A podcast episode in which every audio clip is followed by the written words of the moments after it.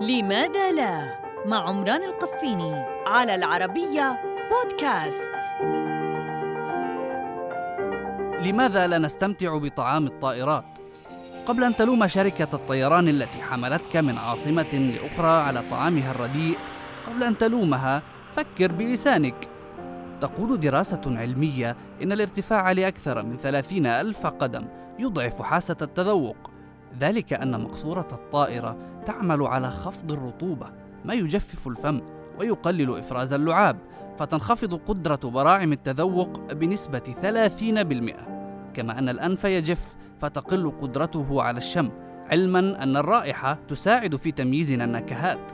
الدراسة نفسها تقول إن ضجيج محركات الطائرة يؤثر على بعض الأعصاب في رأس الإنسان. هذا كله لا يعفي بعض شركات الطيران من تحسين طعامها بتذوقه على الأرض قبل تقديمه خلال الرحلة.